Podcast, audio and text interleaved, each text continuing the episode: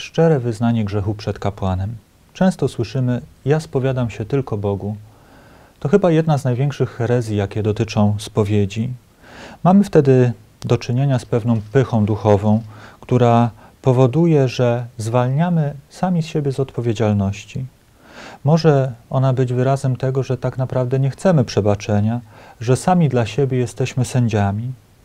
Spowiedź przed kapłanem, tak jak to ustanowił Chrystus, zawsze będzie wyzwaniem. Nie ma człowieka, który nie denerwowałby się przed spowiedzią. Gdyby tak było, to znaczy, że nie jest to poprawne podejście do tego sakramentu, że być może nie ma w nim żalu, że grzechy, które popełnił, są w jego mniemaniu dobre. Zresztą często zdarza się tak, że przychodzi nam myśl, aby zataić grzechy, aby nie oddać Chrystusowi wszystkiego, co jest w moim sercu. Praktyka spowiednicza podpowiada również, że ludzie, którzy przystępują do sakramentu spowiedzi i poczują się zaakceptowani przez Boga i kapłana, przełamują pierwsze lody i nagle okazuje się, że mają jeszcze grzechy, które chętnie chcą wyznać.